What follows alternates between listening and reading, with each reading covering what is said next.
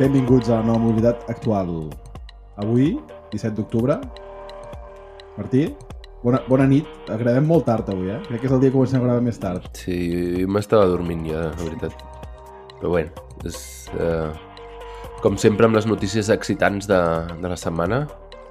Sí, de les Sí, dues ja. últimes setmanes. Avui parlarem bastant d'espai, hem parlat coses a l'espai i avui en parlarem una mica. Mm -hmm. Comencem per um, accés a l'espai a través de startups europees, és a dir, empreses privades que desenvolupen sistemes d'accés a l'espai. Encara hi diuen el New Space, no? Una mica. Sí. Hi ha una startup d'Alacant que es diu PLD Space que eh, està desenvolupant un coet d'accés a, a l'espai, serà el Miura 5, que el volen llançar l'any 2025. Van fer una prova amb el Miura 1, que és, una, és un coet amb el qual volien arribar a l'espai, és a dir, no posar-lo en òrbita, però arribar a l'espai. L'espai està a uns 100 quilòmetres de la Terra, es diu. Que seria l'estratosfera. bueno, per sobre, no? I, i van arribar a 47 quilòmetres. Bé, explicar una mica millor això, potser. El, això va ser el dia 7 d'octubre, a la matinada, des de la base d'Arenosillo, a la província de Huelva, van fer aquest llançament, que es va veure des de diferents llocs del, del sud d'Espanya, la província de Càdiz, eh, s'han vist diversos vídeos del, com, de, com, com es podia veure el coet enlairant-se. El, el Miura 1 va aconseguir un apogeu, és a dir, el punt màxim, l'elevació màxima que va aconseguir va ser de 47 quilòmetres, és a dir, no va arribar a l'espai. Um, però bé, va ser, va ser un gran èxit. És l'empresa, és a dir, l'empresa privada d'accés a l'espai que llença un coet més lluny. És a dir, empresa sense, sense um, inversió pública o que no forma part d'un conglomerat, d'un conglo- d'un conglomerat ja establert. Seria, No. seria una mica l'SpaceX espanyol, per dir alguna cosa? Uh, sí, salvant les distàncies. A veure, hi, hi ha diverses, hi ha diverses empreses a, a Europa que estan en aquesta cursa. A la cursa, quina és la primera empresa que aconseguirà ser orbital, no? Doncs PL, PLD Space va fer aquest coet, que va arribar a 47 quilòmetres. Recordem, això no és l'espai, l'espai està a 100, i després per entrar en òrbita és encara molt més difícil perquè has d'anar a una velocitat uh, molt alta com per poder-te desenganxar de la gravetat terrestre, no? Per tant, és, és, un, altre, és un altre nivell um, aconseguir això, però bé, hi ha, hi ha, doncs hi ha diverses empreses, uh, PLD Space, uh, establerta a Elx, amb llançament, um, amb llançament a, a, a, a Huelva, i que de fet s'està mirant per fer llançaments orbitals a Hierro. Hi ha una, hi ha una proposta per, per fer una base a Hierro per fer els llançaments, els llançaments uh, espacials des d'allà, a la de Hierro, a les Canàries. Bé, després les altres empreses que estan en aquesta cursa són dues empreses um, del Regne Unit, o concretament d'Escòcia, al, al voltant de- de- d'Edimburg hi ha molta activitat espacial, són Skyrora i Orbex Space. Skyrora va fer un intent de llançament el 2022, que no va arribar massa lluny, va, va caure a 500 metres d'on l'havien llançat, però és una empresa um, que té bastanta atracció també. A Alemanya n'hi ha tres, tres empreses, um, dos a Baviera, Martí, una que es diu Isar um, Aerospace, a Múnich, una que es diu costat de Múnich, um, sí. Rocket Factory Augsburg, que és una de les que té més, més tracció. Um, són molt actius a les xarxes i ensenyen les seves les proves del seu, del seu motor i tenen, tenen una solució bastant innovadora de motor. I després n'hi ha una que està a Baden-Württemberg, que és High Impulse Tech, um, que, que, que ha, ha rebut financi, finançament, bastant finançament públic i també també està bastant avançada. I a Fr- i n'hi ha una de francesa, que és uh, Latitude, que um, també tenen previst llançar 2025-2026. És a dir, totes aquestes empreses estan en diferents, diferents etapes. PLD Space ha fet aquest llançament de prova. No vol dir que sigui la que ho té més avançat. N'hi ha d'altres que potser tenen uh, la, la solució de motor i això més avançada, però no, no, no volen fer aquest tipus de prova, sinó que faran un intent de vol orbital directament. Serà, serà interessant de veure. Hi ha um, doncs això, empreses privades en el món, hi ha SpaceX, hi ha um, Rocket Labs, um, hi ha de noves que també ho estan intentant des d'Austràlia i dels Estats Units, que Europa es posicioni, um, és, és important. Sí, és interessant i veure llançaments des d'Europa també és interessant perquè fins i tot la ESA normalment acostuma, acostuma a utilitzar les bases que tenen a la Guyana o diguem-ne Mm. a, a, més aviat al continent americà o al, al mar, al mar Caríbic per fer llançaments i és interessant doncs, veure que també des de, des de territori europeu també es poden fer aquests llançaments. Suècia també està treballant per fer un, per fer un port espacial, per tenir, un, una, tenir una base de llançament. Uh -huh. um, el, Regne, el Regne Unit també ho està mirant i l'opció del Hierro tindria bastant de sentit. El, com més a prop de l'Equador, um, més, més, més t'ajudes de la rotació de la Terra per, per, per guanyar velocitat. Um, a veure, a veure, a veure si tira endavant. Estaria, estaria molt bé tenir una base de llançament especial a la Illa del Hierro. Aviam. Aviat eh, farem, més a més, un capítol aeroespacial. Aviam, quin, aviam si podem seguir parlant d'aquests tipus de temes perquè crec que són molt interessants, no? I veure també això, el desenvolupament d'empreses privades, mm, de vegades amb certes ajudes eh, estatals, però eh, més enllà doncs, del, del la, el, el model clàssic de dir eh, el desenvolupament a llarg termini, eh, de, de superagències espacials, sigui una NASA, una ESA, no? i de tots el que estàvem revolucionant. Sí. Exacte. La, abans el que passava és que la inversió era tan gran que necessitaves i el, i el retorn era tan llarg termini que no tenia, no tenia interès pel sector privat, però cada vegada, amb això que comentaves, no? de les, les oportunitats les oportunitats econòmiques que genera cada vegada tenir accés més, més barat a l'espai, um, doncs, doncs fa que hi hagi iniciatives privades i en aquest cas una de, de Elx. Així uh -huh. que seguirem, doncs, seguirem atents. Sí. Molts ànims a PLD i felicitats per aquest llançament. A mi em va sobtar, eh, vaig, em va agafar la, la, la notícia una miqueta a posteriori per sorpresa, el meu algoritme, no sé per quins set sous, em va fer que me n'enterés de la notícia cap de dos dies que hi havia passat i no vaig veure les notícies eh, catalanes o espanyoles. I, i el que em va sorprendre és les, les primeres notícies que vaig veure era la missió ha fracassat i no sé què, i jo pensava, ostres, que negatius, no? I vaig llegir les notícies i llavors el que deien és que no havien pogut recuperar el coet, que l'havien hagut de, o la, havien planificat recuperar-lo al mar, quan caigués el coet al mar, perquè així doncs, poguessin, com a mínim, re reutilitzar certes parts, si més no, i que es veu que al final doncs, no van ser capaços de, de recuperar aquestes parts. I, però em va sobtar. Les primeres notícies que vaig veure, eh, la missió ha fracassat i tal, i a la vegada estava veient vídeos de l'enlairament que havia funcionat bastant bé i tal, i tenies, el, tenies el, eh, en ment les imatges de, de SpaceX amb el Superbooster i tal, que tot i que els hi va patar en el cel, doncs estaven super contents i em, em recordava això, no? oh, no ha acabat de funcionar la missió i tot i així super contents. Sí, um, Starship que se suposa que no ha de faltar gaire perquè faci el segon intent de prova orbital. Han, han canviat moltes coses a la, a la base de, de Boca Chica i a veure, a veure quan torna a haver-hi tot el hype. I, torna I farem, farem un altre directe o què? Podríem intentar, a veure, a veure si aquesta vegada funciona. Podríem intentar. Però directe si... de veritat. Directe de veritat, vull dir, un Twitch i això, no? Vull dir, un, un stream. Sí, per què no? I, i, i eh, ens hauríem d'animar la propera vegada que mm, PLD potser faci un altre llançament, doncs d'intentar-ho també, no sé, Miquel. Bueno, no sé. Hem, hem de, hem, hem, jo crec que per un, el de SpaceX jo crec que encara podríem fer bullir l'olla i entre tu i jo i tenint l'Everyday Astronaut de fons o alguna cosa faríem uh, amb, amb alguna, hauríem de portar algun convidat. L'Anna Ruiz, li diem a l'Anna Ruiz. Sí. Sí, perquè nosaltres estem molt motivats, però ens, ens, falta, ens, ens falta una mica, crec, de, de coneixement tècnic. Però bé, volem seguir, volem seguir parlant d'espai i han passat més coses. Hi ha un llançament, un llançament mm -hmm. de la missió Psyche, que es va llançar amb un um, Falcon Heavy des de, des de cap, des, de, des del Kennedy Space Center. Primera vegada, primera vegada llançar amb um, el Falcon Heavy una, una mm. missió de la NASA, em va semblar una, llegir. Una sonda. Normalment això llencen amb ULA, eh, que és um, United Launch um, Alliance, o no sé, ULA, que són els Lockheed Martins i els Boeings i això de tota la vida, que ULA té un, una, un, un rècord de no fallar mai, no? I SpaceX és com nou, no? I per tant, perquè que la, que la NASA confia en tu, una missió d'aquesta importància, ara comentarem una mica què, què porta Psyche, vol dir que SpaceX ja està ja, ja, ja té el reconeixement d'estar al nivell de, de, robust, de, de, de robustesa o, o de, de, de fiabilitat que et pot donar un, els establerts en el sector, no? tot i fer-ho molt més barat.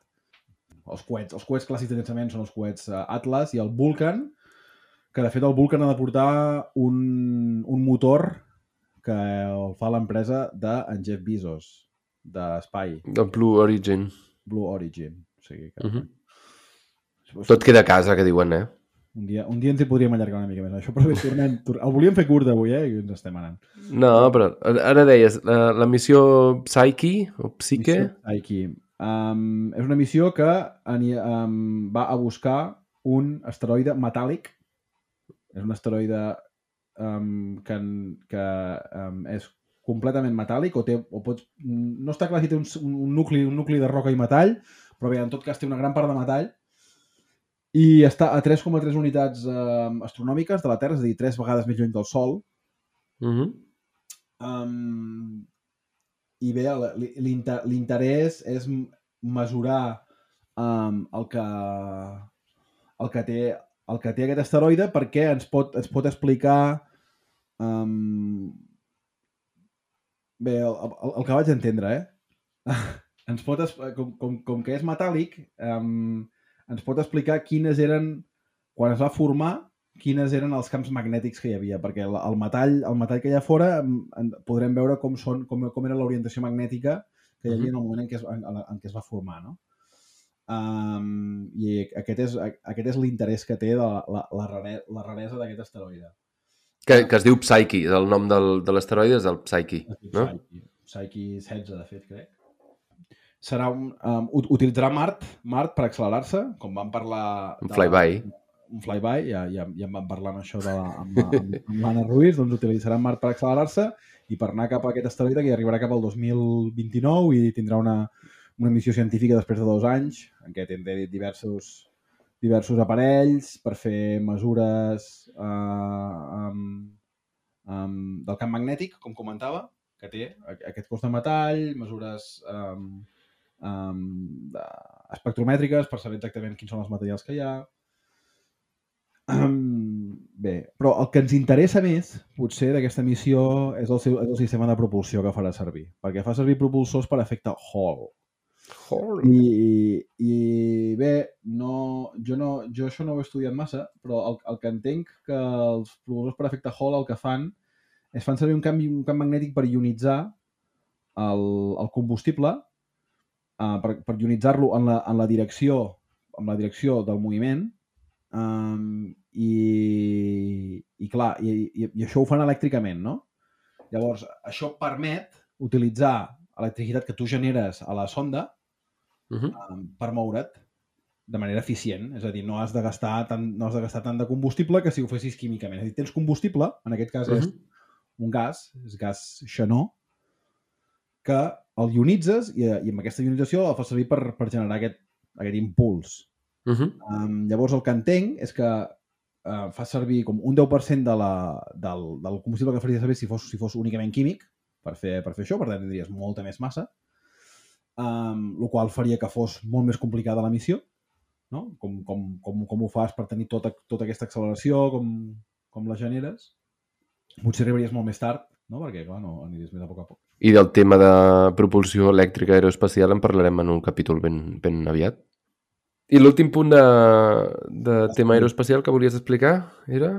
Sí, hi ha hagut um, un altre asteroide, aquest això és l'asteroide Bennu, és un asteroide que fa 400 metres de diàmetre i la missió Osiris, que va sortir el 2016 i va arribar a l'asteroide el 2020, va, fer, uh, va, va tocar amb l'asteroide, és a dir, va, durant un, un instant va tocar l'asteroide i va agafar una mostra i aquesta mostra va tornar a la Terra al setembre de l'any 23, crec que va caure al desert de Utah i, i ara l'han estat analitzant i en, la primera anàlisi que han fet és que han trobat que té una quantitat molt alta d'aigua i de carboni.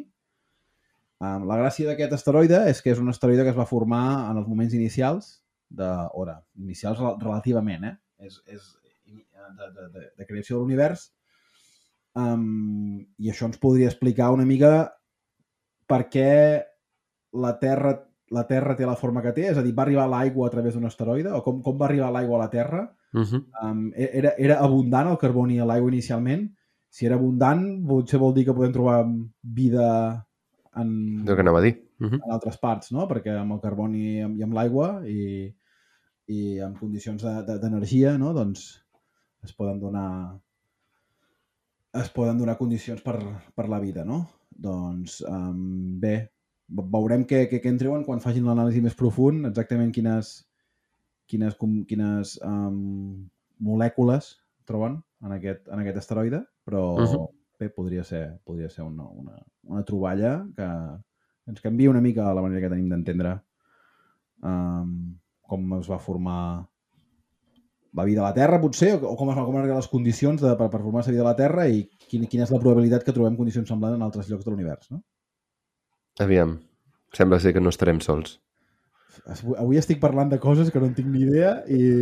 No, són temes, temes molt interessants i jo crec que um, la nostra audiència els agrada molt que els expliquis coses um, d'aquest tipus. Um, I tot i així, jo volia fer un apunt de um, un tema Tornem a la Terra, tornem eh, de nou a parlar de Tesla i eh, fa poc parlàvem de, de temes del núvol i de, de tot el que era la, la integració de l'Android Auto, de l'Apple Play, de l'Apple Car i històries de l'estil.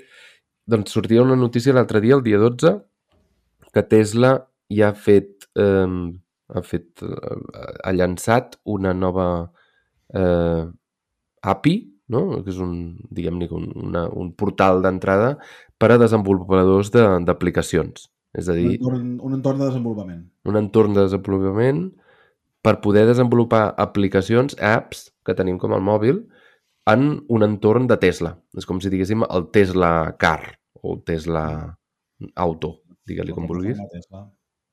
Perquè, diguem-ne, els desenvolupadors eh, facin les seves aplicacions i les puguin oferir a tots els conductors de Tesla que puguin anar a una mena de botigueta d'aplicacions i puguin descarregar-se-les en aquest sistema.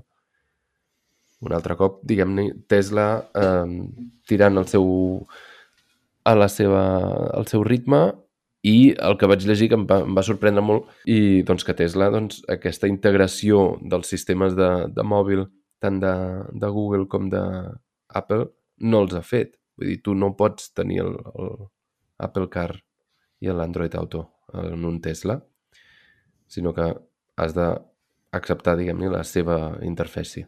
No? Sí, des del bon principi han tingut molt clar cap on, cap on anaven, cap on volien capturar el valor, no? Um, bé, la diferència d'un mòbil amb un cotxe és que hi ha el factor seguretat, no? Um, és a dir, fins a quin punt deixaran, deixaran actuar o, quin, o quin, quin seran, quines simulacions hi haurà darrere per verificar que l'aplicació no té un impacte en la seguretat del vehicle, no? Um, això és, és, per mi és la gran diferència que hi ha entre fer una aplicació per un mòbil i fer una aplicació per un Tesla. Um, però em sembla, em sembla que té molt de sentit i segur que hi haurà molts, molts, molts desenvolupadors que estaran pensant en, en idees de, per poder extreure, extreure valor, no? extreure valor del, de, la, de la infraestructura, de, tot el que, de, de totes les dades que tens en el vehicle, no? I quin, ja, el, que, el que deien també, el que deien, per exemple, és que l'API aquest, o aquesta, aquest portal oficial per desenvolupadors, estava molt dirigit a tots els que són eh, gestors de flotes, no? És a dir, els que diuen, bueno, doncs, quants cotxes tinc funcionant, a quin, a quins nivells de càrrega estan, per poder-ho gestionar, no? I, però, clar, més enllà d'això, s'obren moltíssimes possibilitats de dir, bueno, doncs, a partir d'aquí fes aplicacions que et serveixin doncs, per qualsevol altra cosa. No? I el que sí que és veritat és que, doncs, això que deies, no? el tema de, de la, fun la seguretat funcional no? dels, dels cotxes eh, és un tema que hauran de tenir en compte. Suposo que hi haurà una, un firewall, no? una, una frontera de dir fins aquí pots tocar-ho i tota la resta és cosa de Tesla eh, per, no, per no posar en dubte la seguretat de, de la conducció. Sí ja tenen prou problemes amb el seu FSD, no? amb el pilot automàtic, de Tesla i els nivells d'autonomia, no hi posis més aplicacions que, que ho comprometin. No. Si em dona accés al radar, jo m'agradaria jugar-hi. Anar matant marcianos. Potser podríem combinar-ho amb els asteroides. Sí. Doncs fins aquí el- el- l'LNM actual, no, Miquel? sí, ho deixarem aquí. Vinga, doncs. Bona nit. Que Vagi bé.